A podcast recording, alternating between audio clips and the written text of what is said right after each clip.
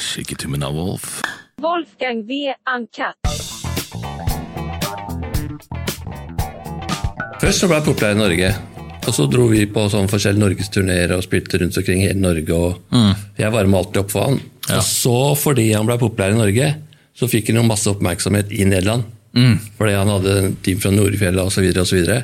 og så bygde det seg opp. da. Han har alltid vært veldig god DJ. Han har alltid vært veldig, veldig forut sin tid da, med musikken. Mm. Hvordan da? Han har alltid, alltid plukka ut låter før, før den ble populær. Han har liksom vært den som har fått i gang en sjanger. da. Og hatt veldig god musikksmak før alle andre. Mm. hørte, og det var veldig god sånn låteradar. At han hørte Ja, ja, god sånn intuisjon på å plukke låter. Veldig god intu- intuisjon, ja. Ja. Mm. Og han var jo bannlyst i Nederland. Det var ingen som likte den musikken hans. Ja, for hvem, Tenkte jeg det. Ja, det er jo vilt, da. Ingen som likte det. Men så ble den jo bare mer og mer populær etter hvert. da. Ja. Mm. Hva var utslaget, da? Var det bare at suksessen i Norge Nei, det, det, Utslaget var jo at han hadde jo kjempegod musikksmak, lagde kule låter, og spilte låter som var veldig kule innen samme sjangeren som andre lagde. Så han liksom løfta alt sammen opp. da. Og så begynte flere og flere å høre på han, ikke sant? og høre forandre soundet sitt. Og, så han ble liksom den, den ledende, da. Ja, for det eh, unge folk kanskje tenker nå, eller den som på en måte Jeg, tror- jeg tror hvis du har dratt liksom så folk som fortsatt er eh, skal vi si, enten gamle eller nye trans-fans, så vil de kanskje dra fram Armin van Buren som kanskje den største sånn, skal vi si, trans-ambassadøren. Eh, mens han kom Han har, jo senere vært, han har jo alltid vært true til sin, til sin stil. Nettopp. Han har jo alltid vært trans. Mm. Tiesto forandra seg jo i 2009. Ja. For da Nei, da var han fed up. Da orka han ikke mer sånn. Da var han så nære på å slutte med som DJ. Han hadde ikke lyst til å miste lista og alt mulig, så flytta han til USA, til Las Vegas. Og så begynte han liksom på nytt igjen. da. Yes. Han begynte Han å spille en, han var helt fed up med alt trans og hele, hele musikkindustrien. Det skjønner jeg jo godt, da. Det var jo også på kanskje slags Hele 2000-tallet var jo litt sånn der, eh, et sånn tungt spor for klubbmusikken. Mm. Syns ikke du også? Jo, det var jo det. Og han hadde jo sin storhetstid hver gang han spilte på OL i 2004. Da var det liksom helt maks. Og så, Ja, ja. og så ble han bare sa og han, orka ikke mer. Han vurderte faktisk å legge opp og bli fotograf. Og gjorde han det, ja? Og han hadde nok penger og liksom var ikke noe med Nei, han var jo ikke, hadde ikke nok penger. Han var nearly bankrupt. Sånn.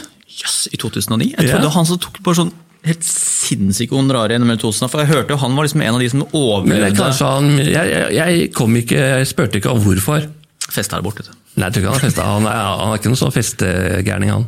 Er det ikke det? Nei, nei, nei. Han er glad i å ta seg noen drinker, sånn, men han er veldig seriøs. Ja. Han er veldig dønn seriøs, liksom. Og han er jo veldig busy, da. Ja, i hvert fall nå. Ja, Han var jo like busy da. Ja, hva var det Men busy med spillejobber og Med spillejobber, ja. Han spilte jo hver fuckings dag. Og likevel, jeg, jeg trodde jo han liksom hadde Når du sa det nå, tenkte jeg ok, men der hadde han liksom bygd opp nok cash. For jeg, alle, alle har vel hørt om liksom honorarene til Gjesto, men det er kanskje mer i senere tid. Man har hørt liksom bare de helt sinnssyke Han er jo sånn han er top bill-type DJ, så. Ja, det er, det er noen millioner for hver spillejobb. Nå, ja. Ja. Ja. Og det tror jeg har vært en god stund.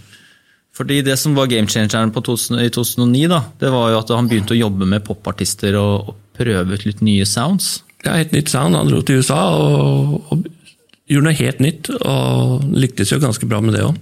Fikk vinylplater av promoer, og jeg fikk jo inn Delirium Silence. Vi hadde jo Nettverk, det plateselskapet fra Canada. De ga jo ut den låta, og da fikk jeg ti sånne vinyler. Og akkurat da var Tiesto i Norge. Altså Da var vi på kontoret mitt. Jeg hadde jo, hadde jo sånn platespiller og sånn der, så der sto vi og spilte, og så likte han den låta veldig veldig godt. da. Mm. Og så hadde han spurt om å få, få remikse den og, og gi ut den. Og det blei jo den første dance-låta som blei spilt på dagtid på amerikansk radio. Hæ? Altså, Hvor er vi nå? I, i, i 2000 og Det er vel rundt 99-2000-2001. Ja, ja, for du er tilbake dit, ja. ja eh, fordi det, Jeg tenkte på om det var en ny versjon som kom ut i Nei, nei, nei. det var Tiesto in Search of Sunrise remix. Ja, den er jo helt det er sånn, Originalen er vel åtte-ni minutter lang. Lan. Eh, Ti minutter. Ti minutter var det. ja. Den er jo helt fantastisk. Jeg hørte starten på den sted, og den er nydelig produsert, og den gir fortsatt sånn gåsehudvibber som er eh, Jeg husker den ble spilt veldig mye på, på dette West Point-stedet. hvor vi hang mye. Det er ikke så rart, ja. Det er en veldig bra låt. Ja, og så er den så episk bygd opp òg. Du kommer i et sånn Jeg husker det første breaket. Tenker at her, liksom, her bygges magien opp, og så kommer liksom, så løfter det seg på et enda nytt nivå. Litt lenger uti der. Hvor liksom, du tenker Mm. Er at nå daler låta Ja, ned. Ja, det, der er, ja, det, er, det er et kunstverk innenfor uh, klubbmusikk. Ja. Den var veldig bra. Ja. Så du var en av de første som Jeg var den som ga den til han. Ja, for, Men originalen? Originalen, ja. Ja. Og han spurte da om å få lov til å remixen. Ja, for det var Delerium Delirium. Delirium fra Frankrike. Nei, fra Canada. fra Canada, ja. For, Silence. for jeg har hørt originalen av den, og den er jo treig. Den er dødsrolig. Ja. Så det er bra, bra jobba. Ja, fy fader, den var skrudd magien om på. Ja, Testo sa jo til meg, og vi blei jo veldig gode venner Lars, if you were a woman, I would marry you. For et kompliment. For et kompliment! Vurderte du det, eller? Det var det hyggeligste han har sagt. Ja. Så det er nesten verdt å bli transvestitt der, og ta, gifte Ja. seg, og så ta Hvis det blir skilsmisse, så blir det sitter du igjen med en god Han hadde jo planer om å flytte til Norge òg. Når det gikk så bra her og tjente masse penger i Nederland, sånn, Ja. så hadde han var så masse fine damer i Norge.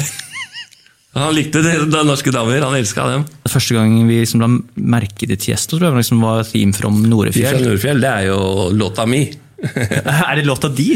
Ja, han, han kom jo til Norge, ikke sant? Altså, fordi vi ga jo ut, eh, ut eh, Forbidden Paradise, og så skulle vi ha et party her i Norge.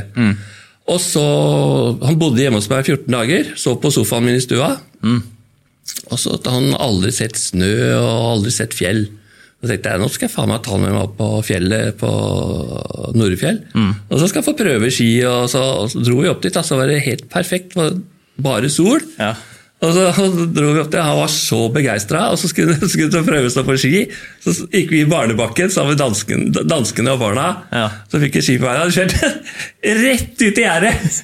Så snudde han seg, så kjørte han rett ut i gjerdet på andre sida. Vi, vi ble skikkelig pals, liksom. ja. Ja.